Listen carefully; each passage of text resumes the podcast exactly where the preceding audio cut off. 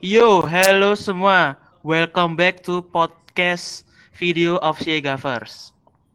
Pada kesempatan kali ini, uh, kalian bakal aku temenin dengan MC baru kalian. Buat yang udah nonton dari episode pertama, pasti kenal sama suara aku ini.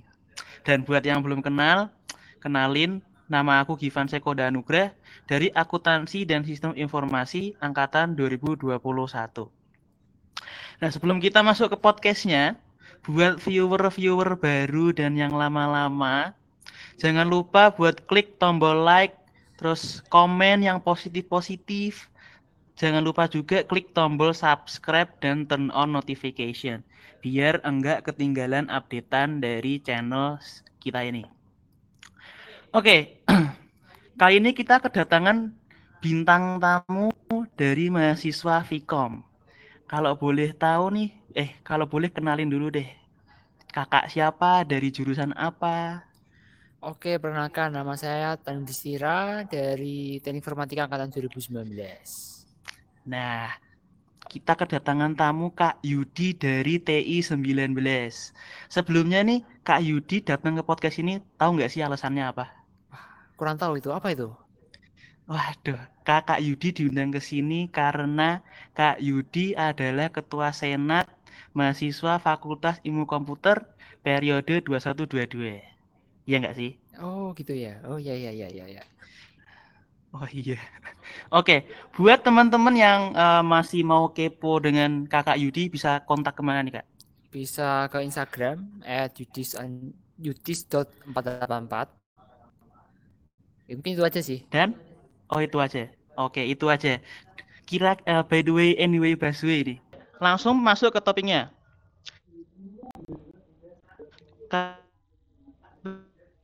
Yudi ini kan dengar-dengar udah dua periode ikut senat, ya enggak? Oke, uh, yang sudah tiga periode sih. Ini tahun oh, ketiga. Oh, ini tahun untuk ketiga. Kak Yudi ikut senat. Oh, Kenapa Kak Yudi milih Senat bukan Ormawa lainnya? Uh, karena Senat itu merupakan hal yang berbeda ya. Di, karena waktu sejak dari SMP itu sudah ikut beberapa organisasi seperti itu dan rata-rata kan bentukannya kalau di dalam universitas kan lebih ke eksekutifnya seperti itu. Dan sedangkan Senat itu adalah hal yang baru karena merupakan di bidang legislatif seperti itu sih. Oh, berarti selama ini di bidang eksekutif ya, Kak? Iya, betul. Terus itu. aku mau tanya, emang bedanya Senat, BEM sama HM itu apa sih? Untuk bedanya sendiri itu Senat lebih kepada legislatif, juga pengawasan terhadap hmm. eksekutifnya yaitu BEM, seperti itu dan juga ada aspirasinya untuk mendekatkan antara mahasiswa dan juga dosen. Kalau BEM itu lebih ke dalam proker-proker yang cenderungnya sih non akademik seperti itu karena nanti dari HM itu mewakili setiap prodi untuk fokusnya lebih pada bidang akademik, namun tidak menutup kemungkinan bahwa bisa mencampuri hal yang lain, terutama sesuai dengan program studinya masing-masing seperti itu sih. Oke, berarti uh, udah kayak ngano ya kak, apa namanya uh, lembaga negara nih, senat, legislatif, bem, eksekutif, gitu nggak sih? Hampir ya. mirip-mirip gitu. Ya, Tapi bedanya kalau HM itu ngurusin prodi, bukan yudikatif, ya nggak? Ya, betul sekali. Oke. Terus uh, Kak Yudi ini kan uh, sekarang ini lagi menjabat jadi ketua senat. Pasti kan di senat sendiri uh, banyak nggak tantangan-tantangan yang Kak Yudi lewatin? Oke, kalau dari sebagai ketua senat sendiri tentunya ada banyak ya, karena tentunya memimpin untuk senat waktu periode online seperti itu, waktu pandemi. Tentunya akan beberapa hal yang berbeda, apalagi juga merasakan kuliah offline dan juga program kerja program kerja waktu masih dulu di senat muda itu hanya satu semester yang hanya beberapa hmm. proker saja tentunya merupakan tantangan yang paling uh, paling berat mungkin ya karena juga harus mempersiapkan dari angkatan yang baru untuk bisa menjalankan senat di periode berikutnya yang bisa dibilang hampir 100% offline seperti itu. Oh, berarti tantangannya ya online offline itu ya Kak yang jadi hambatan paling sulit ya? Iya betul sekali penyesuaiannya hmm. juga mengajari untuk periode selanjutnya. Oke, terus kan ini kan uh, manusia kan nggak luput dari kesalahan, apalagi ormawa nggak luput dari konflik, ya nggak sih? Nah, pasti kan di ormawa ada konflik konflik-konflik yang terjadi. Terus peran kakak sebagai ketua itu gimana sih buat mengatasi konflik tersebut? Oke, untuk konflik sendiri tentu di setiap tempat pasti ada konflik seperti itu. Cuman uh, bisa dibilang karena ini online lagi, tentunya perlu penyesuaian seperti itu. Mungkin hmm. ada orang-orang yang di rumah itu justru menjadi apa ya lebih sibuk daripada biasanya karena mungkin harus membantu orang tua dan sebagainya. Jadi perlu pendekatan yang lain seperti uh, diperingatkan seperti itu, dilihat bagaimana setiap rapatnya dan sebagainya, pertemuannya bagaimana, tentunya juga pendekatannya juga harus berbeda karena kita secara virtual ngomong sesuatu atau mungkin ngechat itu pasti akan menghasilkan apa ya perspektif yang bisa berbeda atau mungkin arti yang berbeda seperti itu dibandingkan dengan berbicara secara langsung. Jadi ah, ya. ya untuk solusinya ya lebih banyak untuk mengerti dan juga ya memahami dan juga komunikasi seperti itu. Ah ya benar benar benar. Berarti Kak Yudi ini harus mengutamakan komunikasi ya. Mumpung ini online kan agak susah mendekatkan sama anak-anak juga, anak-anak senat yang lainnya. Iya betul. Hmm, Oke, okay. masih tentang konflik nih kak. Pasti kan ada paling enggak salah satu lah anggota dari senat sendiri yang uh, pasif maupun eh, baik itu di pasif berbicara ataupun pasif komunikasi dan uh, berkegiatan. Nah, dari Kak Yudi sendiri gimana sih cara mengatasi anggota yang pasif tersebut?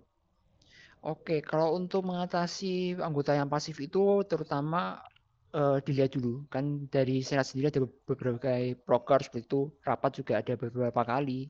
Jadi pertama dilihat dulu apakah kinerjanya bagaimana. Apakah dia cenderung pasif atau tidak. Selanjutnya di rapat selanjutnya diajak lebih untuk bisa menyuarakan pendapat seperti itu. Mungkin dalam rapat divisi maupun rapat besar dalam suatu program kerja bisa lebih dipancing seperti itu untuk bisa pasif uh, untuk bisa lebih aktif lagi sehingga tidak pasif uh, baik secara verbal dan juga secara apa ya uh, kegiatan seperti itu jadi semakin kita dorong seperti itu mm, supaya bisa muncul keinginan untuk bisa menjadi lebih aktif lagi. Oke, berarti Kak Yudi ini cara menghimbau dengan cara yang halus ya Kak, mendorong, memberi masukan, eh memberi masukan apa sih namanya? Ya pun mendorong anggotanya lah biar lebih aktif ya, lagi. Ya. Nah, aku pikir pakai cara yang kasar itu. aku kira bakal marah-marah atau bentak-bentak, enggak ya? Enggak, tentu ya tadi kembali lagi bahwa ini online segala sesuatu eh, pendekatannya tentu akan berbeda seperti itu. Ya, oke, benar benar benar benar. Terus ini Kak Yudi kan uh, udah jadi ketua senat nih. Uh, ada nggak sih Kak Yudi ikut organisasi lain atau ikut UKM atau ikut organisasi di luar Unika sendiri? Ada nggak? Oke, untuk kalau di luar SMF sendiri kan uh, senat di fakultas seperti itu, aku juga ada di UKM Paraga itu UKM Universitas di Unika seperti itu yang berjalan di bidang pers dan juga sebenarnya ada beberapa kegiatan-kegiatan lain yang alumni waktu aku SMA seperti itu ada kegiatan-kegiatan alumni. Jadi mungkin dua itu sih kegiatan yang ada di luar SMF Vkom. Oh, dari organisasinya kakak tuh berarti kan berbeda ya sama organisasi yang sekarang kakak jalani kayak maksudnya senat ada bedanya kan ya? Kayak yang UKM pasti ke arah uh, jurnalistik kalau yang ini kan lebih ke arah legislatif di kampus ya? Ya betul. Oke.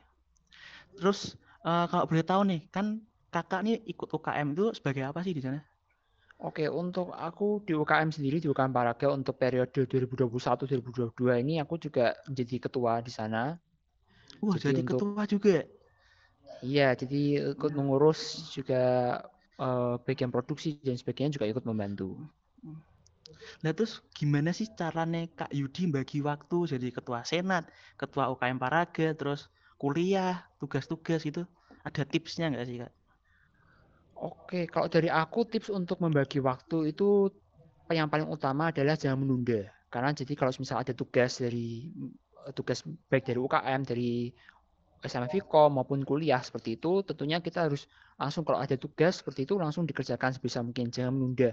Karena saat kita menunda nanti akan di akhir kita tidak akan tahu kapan waktu di mana semua kegiatan itu ada tugasnya seperti itu. Jadi yang pertama jangan menunda. Kemudian yang kedua adalah bentuk skala prioritas. Tentunya kalau di waktu-waktu sibuk pasti tugasnya tidak hanya di satu organisasi saja, tapi ada di uh, organisasi lain maupun di kuliah seperti itu. Kuliah juga lumayan juga di semester akhir banyak sekali proyek seperti itu buat skala prioritas jadi supaya tahu mana nih kalau cuma punya waktu setengah jam mana nih yang harus dikerjain kalau punya waktu yang cukup lama mana nih yang harus dicicil hmm. seperti itu jadi lebih ke dua itu sih jam menunda dan juga membuat skala prioritas oke berarti ada dua tips ya. Jangan menunda dan skala prioritas. Oke terus uh, Kak Yudi sendiri ini kan ketua senat pasti ada apa sih yang mendorong kakak yang memotivasi kakak dibuat uh, jadi ketua senat dan dorongannya tuh apa sih yang kepercayaan dirinya kakak gitu loh? Oke untuk motivasinya ya sebetulnya uh, lebih ingin tentunya lebih ingin membangun atau SMF itu bisa lebih baik lagi gitu. Bukan berarti sebelumnya tidak baik tapi tentu kita untuk hidup dan juga menjalani organisasi tentunya kita harus bisa berjuang untuk semakin lebih baik lagi. Dan juga untuk dorongannya sendiri sih lebih kepada uh, ketua SMF IKOM itu dipilih secara pemilu dari internal anggota SMF IKOM sendiri. Dan tentunya itulah ada harapan-harapan dari teman-temanku yang lain yang juga menjadi anggota SMF IKOM itu menaruh harapan lah supaya bisa SMF itu lebih baik lagi, Fakultas Ilmu Komputer juga lebih baik lagi. Jadi itulah yang membuat dorongan supaya tetap bisa menjadi ketua yang baik gitu supaya yaitu lebih bisa memajukan SMF dan juga Fakultas Ilmu Komputer. Berarti teman-teman Kak Yudi anggota Vkom itu udah benar-benar percaya sama Kak Yudi ya masalah diembannya tugas ketua senat ini ya. Ya, kurang lebih seperti itu. Alhamdulillah. Oke, aku ada message nih. Uh, katanya Kak Yudi kan ikut ya itu kan apa namanya seperti yang diomongin jadi ketua UKM Paraga boleh kayak di spill dulu UKM Paraganya terus prokernya apa aja gitu oke untuk UKM Paraga itu tadi unit kegiatan mahasiswa yang yang bergerak di bidang jurnalistik seperti itu dan untuk proker-prokernya sendiri sih lebih kepada berita berita melalui Instagram dan juga ada berita dalam bentuk majalah elektronik itu ada di Yumbu, tapi untuk beberapa bulan terakhir ini sudah pindah ke website sendiri seperti itu. Kemudian untuk proker-proker yang lainnya juga ada webinar mengenai tentang menulis seperti itu supaya mendorong mendorong mahasiswa atau mungkin anak-anak muda sekarang itu supaya lebih suka lagi menulis dan juga membaca dan juga ada lomba lomba menulis puisi dan sebagainya. Mungkin kurang lebih itu sih untuk yang uh, program kerja program kerja yang cukup besar seperti itu. Oke, lumayan seru ya apa namanya proker dari UKM Paraga sendiri. Ya? Ngomong-ngomong ya. soal proker nih, kan uh, aku belum tanya nih soal proker senat tuh ada apa aja sih kak? Untuk proker senat itu ada bisa dibilang dikelompokkan jadi beberapa hal yang besar seperti itu karena ada beberapa kegiatan tuh yang cenderungnya kontinu seperti itu. Ada pertama ada sidang. Sidang itu sendiri terbagi menjadi tiga, itu sidang awal, sidang tengah dan juga sidang akhir. Ini untuk memaparkan memaparkan program kerja dari BEM, dari juga HM untuk setahun ke depan, kemudian mengevaluasi kinerja BEM selama setengah periode, maupun untuk mengetahui perkembangan dari program kerjanya HM dan juga di akhir ya sedang akhir itu untuk mengevaluasi seluruh kinerja BEM dan juga mengetahui proker-proker dari HM untuk periode ke depannya. Mungkin ada masukannya atau mungkin ada kritiknya seperti itu. Kemudian ada ASIK, aspirasi ilmu komputer itu untuk menyampaikan aspirasi dari para mahasiswa baik seputar fakultas maupun seputar universitas yang nantinya uh, disalurkan juga melalui SMU seperti itu. Mungkin baik dalam tentang perkuliahannya kemudian sarana prasarananya dan yang lain-lain sebagainya. Kemudian yang juga itu untuk reorganisasi dari Ormawa Evikom sendiri, baik dari SMF-nya sendiri maupun BEM dan juga HM. Mungkin itu adalah program-program yang bisa bilang apa ya wajib ada di SMF IKOM seperti itu. Hmm, berarti ada berapa tadi? Ada empat ya kak? Ada sidang, Rior Ormawa, Soti, dan Asik. Iya, juga ada Soti hmm. juga. Oh iya iya. Tadi belum sebutin SOTI ya? Iya. Uh. Oke, mungkin coba dijelaskan apa itu SOTI ya? Ya, untuk SOTI itu adalah Student of the Year. Jadi itu adalah salah satu kompetisi yang bergengsi seperti itu di Unika, di SCU seperti itu, dan juga ini adalah merupakan salah satu tahapan yang dilalui di fakultas seperti itu karena melalui tahapan dari fakultas fakultas dipilih untuk dua untuk yang diwakilkan kepada universitas dan nantinya akan dilombakan seperti itu dan mungkin beberapa udah uh, untuk ketua pemenangnya SOTI tahun 2022 di Unika sendiri juga kalau nggak salah di beberapa episode yang lalu juga sudah sempat diwawancari di sini sih. Oh iya, yang Kak Maxin itu ya, Kak? Iya, betul sekali. Oh iya. Terus uh, selama Kak Yudi ini menjalani proker dari empat proker itu, terus selama menjadi uh, anggota senat, ada nggak sih pengalaman yang paling berkesan buat kakak? Oke, untuk pengalaman yang paling berkesan sih lebih kepada untuk penyelenggaraan SOTI ya, karena itu adalah pro, bisa dibilang proker pertama yang kita hybrid, ada offline-nya seperti itu untuk mempersiapkan juga periode SMFICOM selanjutnya karena ada beberapa yang akan lanjut seperti itu dan juga membawa suasana baru untuk Fakultas Ilmu Komputer sendiri terkait kegiatan-kegiatan mahasiswa yang dalam bentuk offline seperti itu. Hmm, jadi itu pengalamannya. Oke kak. Untuk uh, sebelum kita masuk ke pertanyaan terakhir, uh, kan Kak Yudi ini sebelum jadi ketua pasti nyiapin lah yang namanya waktu orasi, visi dan misi kakaknya sendiri. Nah, dari visi misi kakak yang disampaikan itu uh, udah terlaksana semua atau belum? Atau jangan-jangan visi misinya cuma janji manis segala? Oke, untuk visi misi sendiri tentunya waktu dulu pemilihan itu sudah diberikan diberikan informasi bahwa buatlah visi misi yang sejalan dengan apa itu senat dan juga pada fakultas ilmu komputer seperti itu.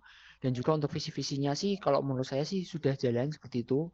Mungkin tidak berjalan 100% secara baik seperti itu tapi semuanya sudah berjalan karena dari visi misiku sendiri itu adalah mendukung supaya senat itu menjalankan fungsinya dengan baik seperti itu dan juga bahwa anggota-anggota dari Senat sendiri itu tidak hanya terpaku pada dunianya divisinya sendiri seperti itu karena kan hmm. tentunya dalam organisasi ada banyak sekali divisi maupun banyak sekali apa ya komisi kalau di senat seperti itu menyebutnya itu supaya bisa merasa merasakan hal-hal lain seperti itu tidak hanya di divisinya saja maupun di komisinya saja.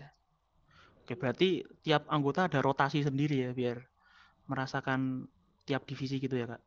Iya, ada rotasinya sendiri melalui program kerja program kerja yang hmm. yang dilaksanakan oleh SMFICOM sendiri. Oh, Oke, okay. berarti terus uh, tadi kan kakak ngomongnya hampir 100%, berarti udah sekitar 90% ya masalah kesuksesan visi misinya kakak sendiri.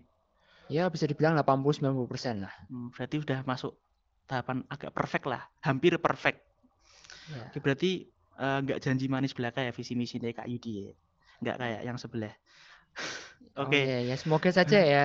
Mungkin menurut saya seperti itu, menurut pandangan orang lain seperti apa kan juga kurang tahu. Oke, okay, oke, okay, oke. Okay.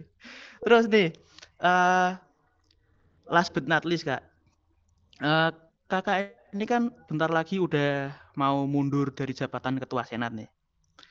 Ada nggak sih pesan-pesan dari kakak buat anggota-anggota senat yang baru tahun 2223 ini sih?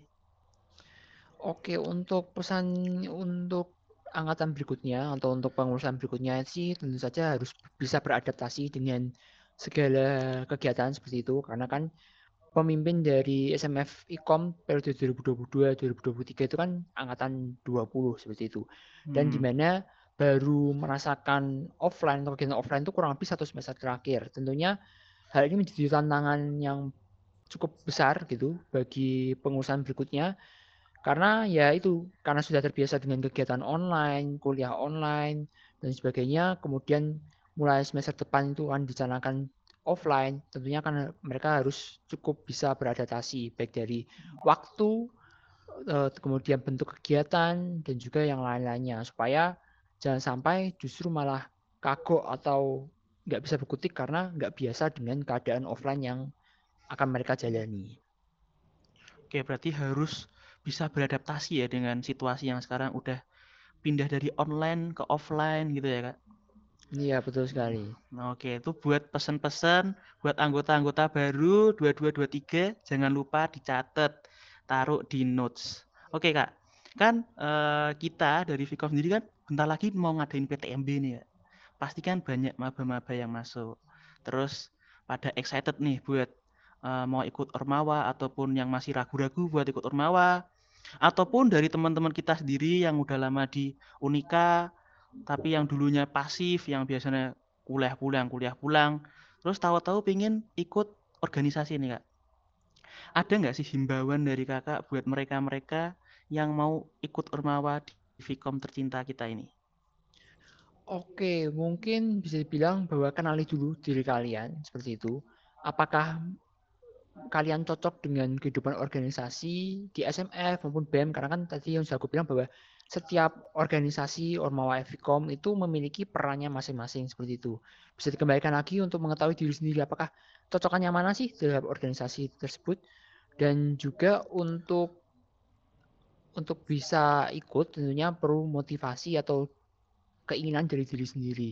Jadi bukan karena ikut-ikutan dan sebagainya. Karena kalau dari ikut-ikutan untuk ikut organisasi seperti itu, justru mungkin akan sesuatu hal yang ingin didapatkan tuh malah hilang seperti itu. Dan untuk keuntungannya sendiri mengikuti Ormawa itu tentunya ada banyak sekali. Yang pertama itu adalah relasi. Kalian bisa mengenal teman-teman lain baik beda program studi maupun beda angkatan. Mungkin kalau di HM lebih ke arah beda angkatan, tapi kalau di eh, SMF dan juga BEM itu kan berkenalan dengan yang beda prodi dan juga beda angkatan seperti itu.